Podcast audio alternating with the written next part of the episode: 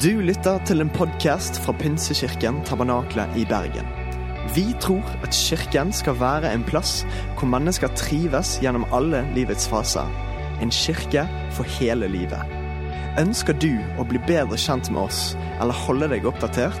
Besøk vår Facebook-side eller ptb.no. Her er ukens tale. Dere, Vi er midt i en serie om Nehemia.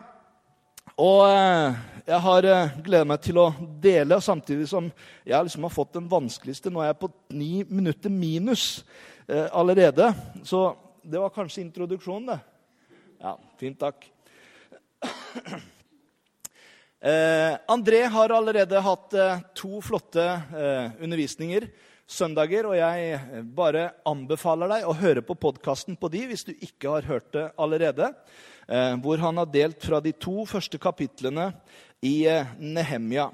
Eh, For deg som er ny, som kanskje ikke har vært i serien, så er boken Nehemia eh, Den ble ofte lest sammen med Esra.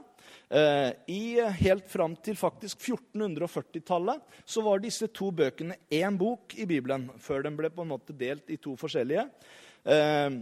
Og eh, viser fortellingen om gjenoppbyggingen av murene rundt Israel, altså Jerusalem, etter den første eksil i Babylon som folket ble ført bort til eh, under kong Nebukadnesar og andre.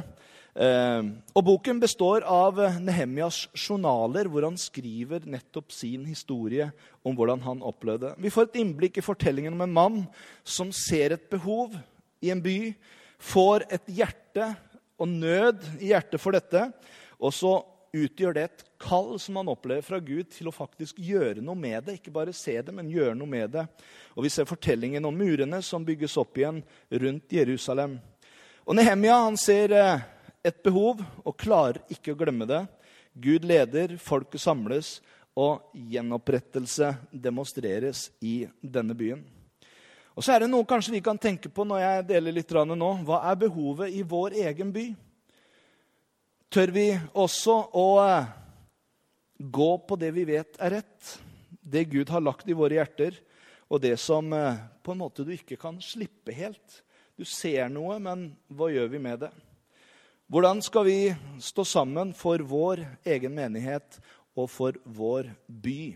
Og det er veldig bra. Det er jo mange som er eh, av businessfolk også, som har funnet mange andre godbiter i forhold til ledelse i Nehemia, som jeg har bare lyst til å oppmuntre. Har du ikke lest eh, boka, eh, så er det ikke mange kapitler. Det er vel 12-13 kapittel. Eh, les igjennom det og bli inspirert. Da sier jeg ikke noe mer om eh, de to eh, ukene som har vært, annet enn at det første kapittelet handler om nøden i hjertet, som eh, Nehemia opplever. Og kapittel to det er også i podkasten 'Kan jeg gjøre noe med det?' Ja, Det var en sang, et forsøk på en sang. Og det er jo nettopp det Nehemia da prøver på. ikke sant? Hva, hva kan jeg gjøre med dette? Og han ser hvordan Gud bare legger til rette. Godvilje hos kongen som eh, heter noe så fint som eh, Skal vi se om jeg finner, finner navnet her. Han heter Artaxerxes. Ja, Du kan jo prøve å uttale det sjøl. Det er to x-er imellom der osv. Men denne karen han er en spesiell historie som når jeg leste, så tenkte jeg ah, det var kanskje derfor han fikk så godvilje for Nehemia. Eh, fordi han hadde en mor som het Ester. Og hvem er Ester? Jo, det var faktisk en slavekvinne som ble ført inn til far til denne kongen her. Eh, og hvor hun da ber om nåde fordi de var i ferd med å utrydde alle jødene fra landet. Men så kommer hun inn, eh, holdt på å si, vinner en skjønnhetskonkurranse inne i, eh, i, i slottet og får konge, komme fram for kongen. Og så tør hun faktisk å gå inn til kongen en gang hvor hun ikke egentlig kunne gjøre det. Og eh, hvis kongen ga nåde, så fikk de lov til å si det. Og hvis ikke, så var det samme som at da mista du livet hvis du liksom ikke hadde noen audiens og stilte fram for kongen. Det er historien om Ester. Eh, og hun fikk nåde og fikk faktisk stoppa en massakre av jødene i den tida og ble dronning appåtil. Det er jo nesten som en sånn Disney-film. Eh, men fakta. Det kan du gjerne lese i Esters bok også. Dette var da sønn til henne, som da fikk godvilje hos nettopp Nehemia. Vi skal gå i kapittel 3 og snakke litt videre om hvordan eh, det ble bygd opp. Og Vi leser eh, der ifra Nehemia 3 og vers 1. Øverstepresten Elishib og brødrene hans, prestene, gikk langt med å bygge saueporten. De helliget den og satte inn dørene. Deretter helliget de muren helt til hundretårnet og Hananel-tårnet. Og ved siden av dem bygde mennene fra Jeriko, og ved siden av dem bygde Sakur, sønn av Imri. Her er det mye rare navn, du. Eh, men hva er poenget med det vi leste her? Jeg har lyst til at du skal se én ting, og det er nettopp det jeg har skrevet nede der. Side ved side. Eller back to back. Skulder til skulder. Så var det et teamarbeid i forhold til det å bygge opp murene i byen. Hvorfor skrev ikke forfatteren heller bare 'Folket i byen gjenoppbygde murene og portene rundt Jerusalem'? That's it. Det hadde vært mye enklere enn å skrive et helt kapittel med og den sto ved siden av den, og den sto ved siden av den, og den sto ved siden av den. Og så har du masse navn nedover med hvem som sto ved siden av hvem. Jeg bare elsker av og til å liksom gå inn i sånne tekster som det der, med masse sånne navn. Hvorfor det? Jo, fordi det forteller meg at Gud er interessert i mennesker. Gud er interessert ikke bare i mengder, men han elsker å, å, å si liksom navnene til folk og, og, og hvor, hva de representerte. Og Når du leser alle disse navnene i kapittel 3, så var det faktisk eh, navn på eh, ja, foreldre eller eh, familieklaner, eh, lederne for dem, for å fortelle at den familien var der, den familien var der, den familien var der. Alle var der. Og med hvilken hensikt var den der? Jo, de skulle være med å bygge opp muren. Det står i Romerne 15,4 at alt som før er skrevet, er skrevet for at vi skal lære av det. Og vi skal få håp gjennom den tålmodigheten og trøst som Skriften gir. Det er en mening med kapittel 3 og de detaljene som er der. Og det fins et poeng i det hele. Og her var folk i alle aldre, alle aldersgrupper. Det var menn, det var kvinner som var med å bygge opp muren. Og det gikk jo an å tenke at det er så mange folk i byen, det er vel ikke nødvendig at jeg også stiller opp. Men slik tenkte de ikke.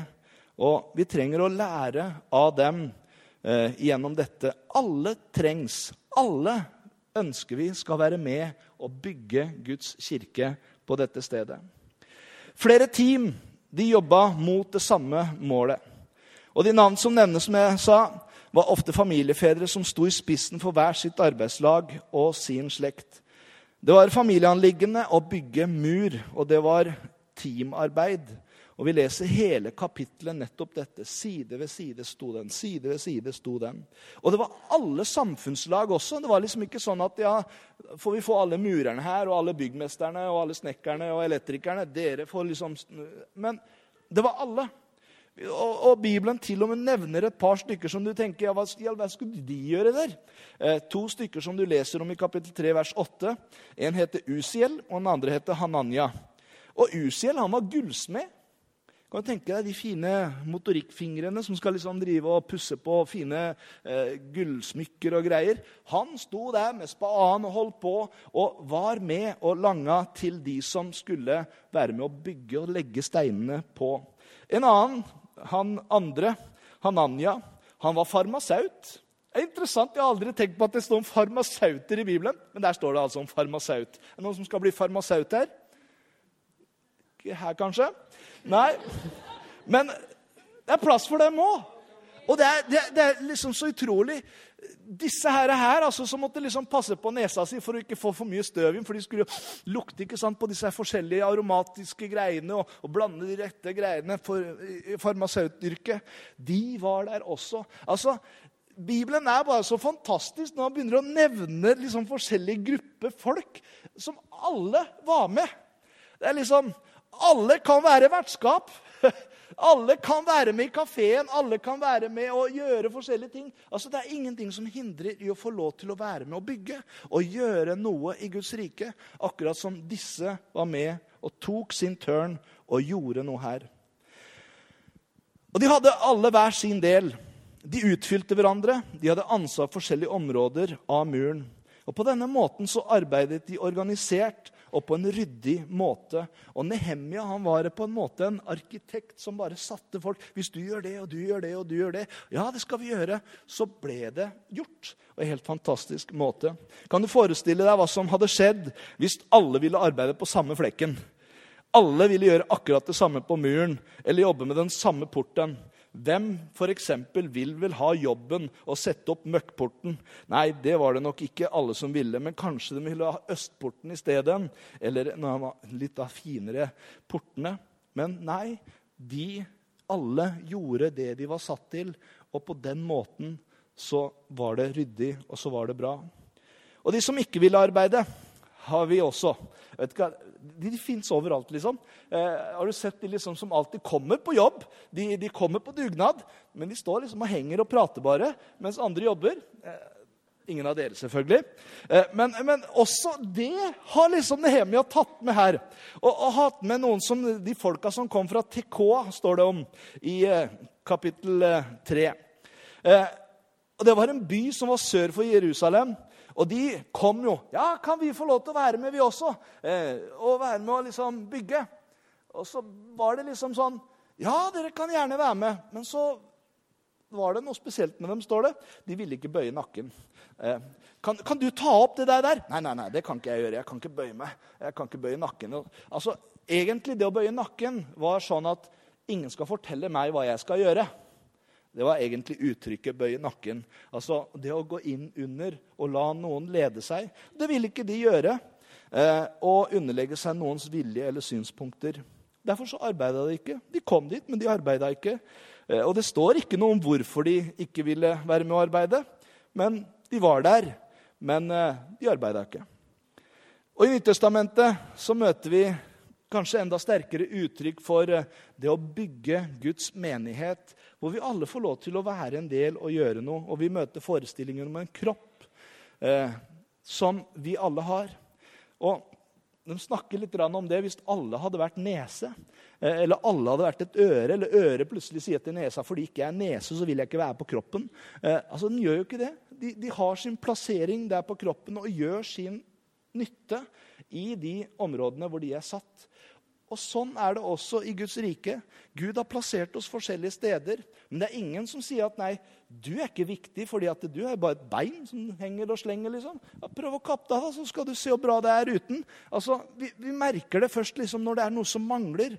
Og sånn er det også. Vi skal alle være med og være en del av det. Og det var også tanken her.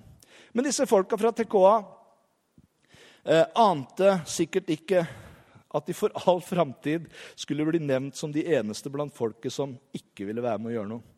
Eh, og det står som sagt ikke noe om hvorfor. Men eh, jeg kan jo av og til tenke meg kanskje lite grann. Eh, kanskje de var uenige i hvordan det hele ble organisert. Det er jo noen av de. Kanskje de ikke fikk sin vilje eller sine synspunkter igjennom. Kanskje de tenkte mer på sin egen by TK.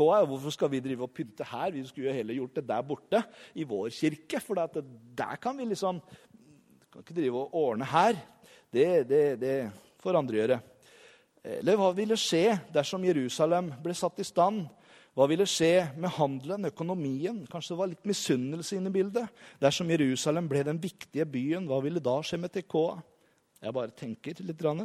Kanskje de tenkte på folkene rundt, som ikke alle var så veldig begeistra for at de skulle bygge opp Jerusalem. Eh, hva ville de da si om de folka fra Tekoa? Eh, Tekoaitene, hvis du skulle kalle dem dem. Å jaså, dere driver og hjelper dem, ja? Eh, og hvis det da liksom ikke var helt riktig å hjelpe dem, eller helt innafor, hva skulle de da Altså, det kunne være mange årsaker til at de kanskje valgte å bare være der og henge og ikke gjøre noe. Kanskje de så på dette som en manns verk og ikke Guds verk. Selv om Nehemia hadde fortalt dem om hvordan Gud hadde lagt alt dette i hjertet hans og lagt til rette for at dette skulle bygges. De klarte ikke kanskje å se den velsignelsen det ville være med et Jerusalem som var satt i stand, hvor tempeltjenesten fungerte, hvor folk levde i fred. Og de klarte heller ikke å se så langt at eh, om de hadde deltatt, så hadde deres navn også vært ved siden av den sto den, og ved siden av den sto den. Nå hadde de liksom bare en lite vers i hele greia. Og de fra, teo, de fra Tekoa de var der, de også, men de gjorde ingenting. Det er jo trist å ha den eh, ettermælet i eh, hele historien. Så de fins der.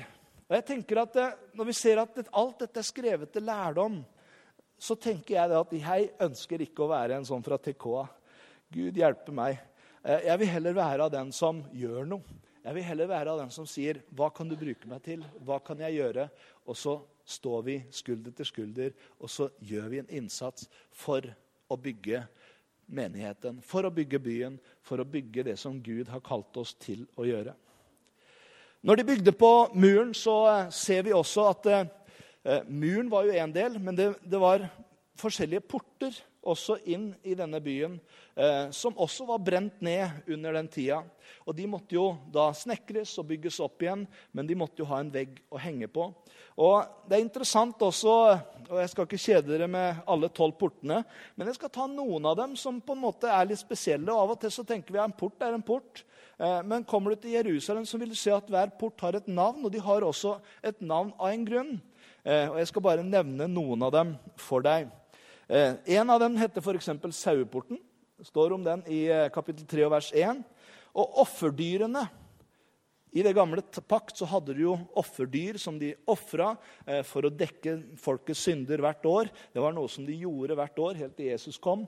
Og Da sa han at den offerperioden var slutt, for han ga sitt liv for oss. og da avslutta det. Men i den gamle pakt, som dette da skrives om, så var det den porten der hvor offerdyrene ble båret inn.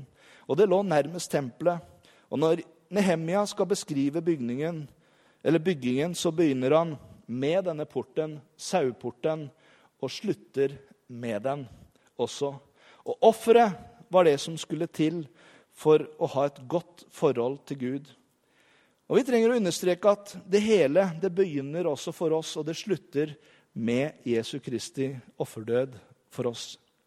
At Jesus døde for våre synder, at vi kan leve i tilgivelse, er det helt grunnleggende i en kristens liv. Å være menighet er å vite at Jesus er til stede når vi samles. Og En interessant ting som jeg kom på nå Jesus sier, 'Jeg er døren inn til sauene'. Jeg er den døra. Han kom og på en måte ble den porten inn eh, når han ga sitt liv for oss. Og Johannes døperen sier jo 'Se der Guds lam som bærer verdens synd'. Veldig interessant. Eh, så var det faktisk noe som heter Møkkporten. Det var ikke tull, det jeg sa. Eh, det står i vers 3, eh, kapittel 3, vers 14. Og gjennom denne porten så ble byens avfall ført ut.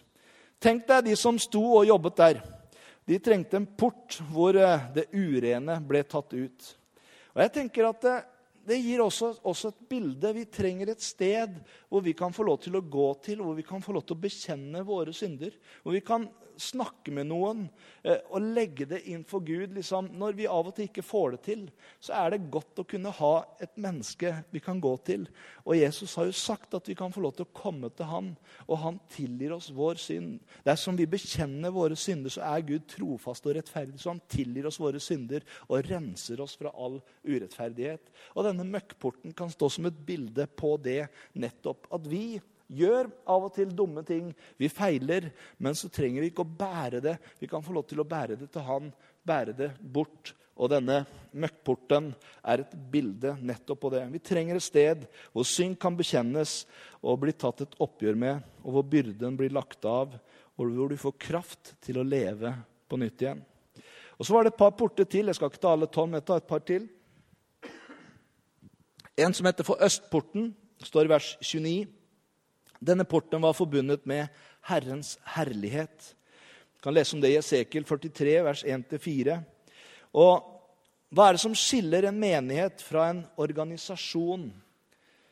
En hvilken som helst annen organisasjon? Jo, Jeg tror nettopp det er noe av det som eh, Osvaldo Carnival snakka om. Eller Spirito Santo. Det er noe til stede når Guds folk samles. Det er Den hellige ånd. Det er en atmosfære, kaller vi det av og til.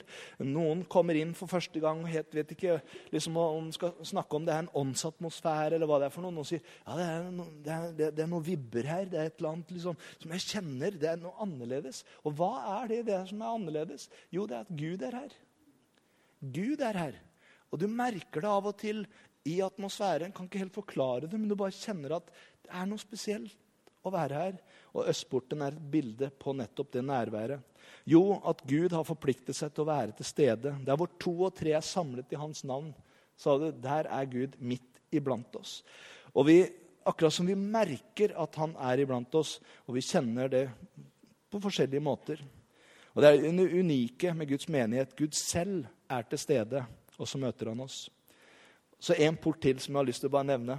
For Det handler liksom om bilder som vi også lever i, også her i kirka. Og Den ble kalt for mønstringsporten. Står i vers 31. Og ved denne porten ble folk mønstra til tjeneste. Folk kom og sa, 'Hva kan jeg gjøre? Kan jeg, hva er det bruk for meg til?' Og så var det mønstringsporten. Og så, 'Ja, men så flott! Da kan du gå og gjøre det.' Og du, 'Vi trenger noen her, og vi trenger noen der.' Det å stille seg til tjeneste var denne porten et bilde på. Og Portene hadde hver sin funksjon, men portene kunne ikke være porter dersom det ikke var mur imellom dem. og Derfor så måtte murene bygges opp igjen, også for at portene skulle bygges og settes i stand. La oss se litt på kapittel 4 og 5. Og det verset står oppe, kommer opp nå. Da Sambalat hørte at vi holdt på å bygge opp muren, ble han sint. Han var fra seg av raseri. Han spottet judeerne og sa til landsmennene sine og til hæren i Samaria.: Hva er det disse elendige judeerne driver på med? Skal de bygge opp igjen, ofre og fullføre på én dag?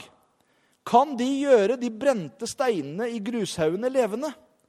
Amoritten Tobia, som var sammen med han, sa, La dem bare bygge på så mye de vil. Bare en rev hopper oppå, så river den steinmuren ned. Altså, de var litt sånn fine på det. Disse her, de var motstanderne. Det var de som på en måte ikke ville at de skulle få bygge opp murene. Og de hadde kamp med disse. Disse to pluss én til det var sånne som hele tida eh, kverulerte og holdt på og ikke ville at de skulle få bygge opp igjen. Eh, det å si at det bare en rev hopper opp, så kommer hele muren til å dette ned, er jo litt vel overdrevet. Jeg har funnet uh, utgravinger av disse murene, og de er 2,5-3 meter breie vegger uh, og ganske høye. Så, men altså, det er en måte å si det på. ikke sant? Det er sånn spydigheter som de kom med for å dra ned moralen til judeerne, til de som var med og bygde på muren, for å sette dem ut. Men de lot seg ikke stoppe. Eh, det er fantastisk å se. Hva gjorde de da når de opplevde disse motgangene utenifra? Jo, de gjorde det de visste de skulle gjøre. Og det hele boka egentlig handler om. Når du leser Nehemia fra første til siste kapittel, så handler det om to vesentlige ting. Bønn og arbeid. Bønn og arbeid. Bønn og arbeid. Så når de opplevde motgang på denne måten, hva gjorde de da? Da ba de. Og etter at de hadde bedt, hva gjorde de da? Da fortsatte de å jobbe. Og når de fikk mer motgang, hva gjorde de da? Da ba de. Og hva gjorde de så? Da fortsatte de å jobbe. Og sånn holdt de på hele tiden. Hør, vår Gud, hvordan vi blir hånt. La spotten vende tilbake til deres eget hode. La dem bli plyndret og ført som fanger til et fremmed land. Dekk ikke over deres skyld. Eh, og la ikke synden bli visket ut for ditt ansikt. De har krenkende de har krenket bygningsmennene. Og så bygde vi opp igjen muren i halv høyde helt rundt. Og, he, og folket la sitt hjerte i arbeidet. Fantastisk. Det kan jo nesten høres litt sånn hevnaktig ut når de svarer bønnen til Gud på denne måten her. Men egentlig var det ikke de som de hadde håna. Det var Gud de hadde håna, som hadde bedt dem om å gjøre dette. Og det som de hadde fått være igjennom, er akkurat som de sier Gud, la dem forstå egentlig hva vi er redda ut ifra. For det var akkurat dette de hadde blitt redda ut ifra. La de få lov til å forstå det, la de se det. At det er dette du har redda oss ut ifra. Og Gud, Takk at du holder øye med truslene deres, akkurat som disiplene ba i Apostlenes gjerninger 4. Etter at de hadde blitt piska og slått, så sa de, Gud, hold øye med truslene deres, og så lar du dine tjenere bare forkynne ditt ord med enda større frimodighet. Og Det er det vi her, her gjør også. De sier, Gud, takk at du passer på det problemet der. Og hva gjør vi videre? Jo, vi fortsetter å bygge. Og så elsker jeg det siste uttrykket der. Og folket la sitt hjerte i arbeidet. er nesten som vi skulle sagt det sammen. Og folket la ja, Den der var dårlig. Vi tar det en gang til. Og folket la sitt hjerte i arbeidet.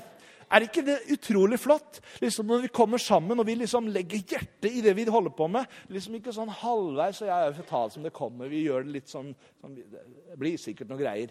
Nei, når vi virkelig liksom vi skal gjøre det beste. De la sitt hjerte i arbeidet. Og vet du hva det å legge sitt hjerte i arbeidet førte til at en mur som hadde stått nede i 90 år, den ble bygd opp på 52 dager. Fordi alle gjorde sitt. Hver, fra de minste til de eldste.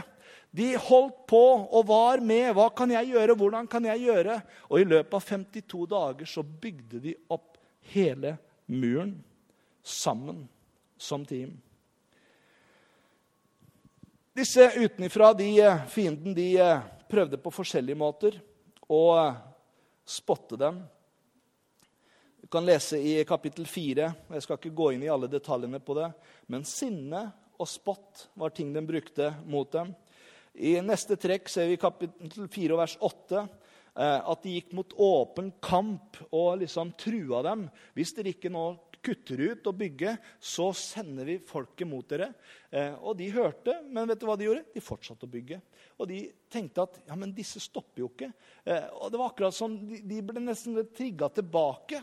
Eh, og ikke angripe fordi at de bare fortsatte å gjøre det de skulle gjøre. Uten å bli intimidated eller redde av disse truslene som de hele tida kom med. If you can't beat them, Join them. Er det ikke et sånt uttrykk som heter? Og det prøvde de også på. De tenkte ja, ja, de her greier vi ikke å ta. Så skal vi bare liksom late som at vi vil joine dem og være med å bygge og gjøre noe. Men det står, når du leser videre, at dette sa de fordi de ville utnytte det for å ta dem. Men selv da så går Nehemia og spør han Gud Gud, hva gjør vi med dette for noe. Don't join them. ok, da fortsetter vi bare å bygge. Og så fortsatte de å bygge og gjorde det Gud hadde sagt dem, uten å på en måte bli så opptatt av alle ting som kom hele veien rundt dem. De forsøkte med å sende ut onde rykter. Skulle nesten tro det var i 2019, eh, hvor det er liksom alle disse her ryktene som går overalt med fake news. Eh, sånne fake news prøvde de seg også på for israelsfolket Å si at de er sånn og de er sånn og de er sånn til alle folka rundt. Men heller ikke det tok dem tak i. Det prella av dem. Og hva gjorde de med det? Jo, de bare fortsatte å gjøre det de skulle gjøre. De bygde på muren. Og Til slutt så forsøkte de å skremme Nehemia og si nå kommer vi. Så du burde virkelig gjemme deg. De sendte til og med en profet eh, som skulle fortelle ham dette. her. Det var en fake news, det også. Det var en falsk profet. Så han kom og sa nå må du virkelig gå inn i tempelet og gjemme deg, eh, fordi ellers så kommer de og tar deg. Men Nehemia visste at hvis jeg går i tempelet og gjemmer meg, så er det ulovlig å gjøre det. Eh, og Hensikten til disse herre var nettopp det. At han skulle løpe inn der og gjemme seg, og at de etterpå kunne få noe til å ta han på og sende melding til kongen at han har gått inn i tempelet uten at han har lov til det, så nå må du sende han tilbake. Men heller ikke det bet han på. Nehemia kjente derimot Guds arbeidsplan, og han lot seg ikke skremme. Og han seiret. Men hvordan? Jo, vi leser her fiendene våre fikk nå høre at vi kjente til planene deres, og at Gud hadde hindret den. Da vendte vi alle tilbake til muren, hvert til sitt arbeid.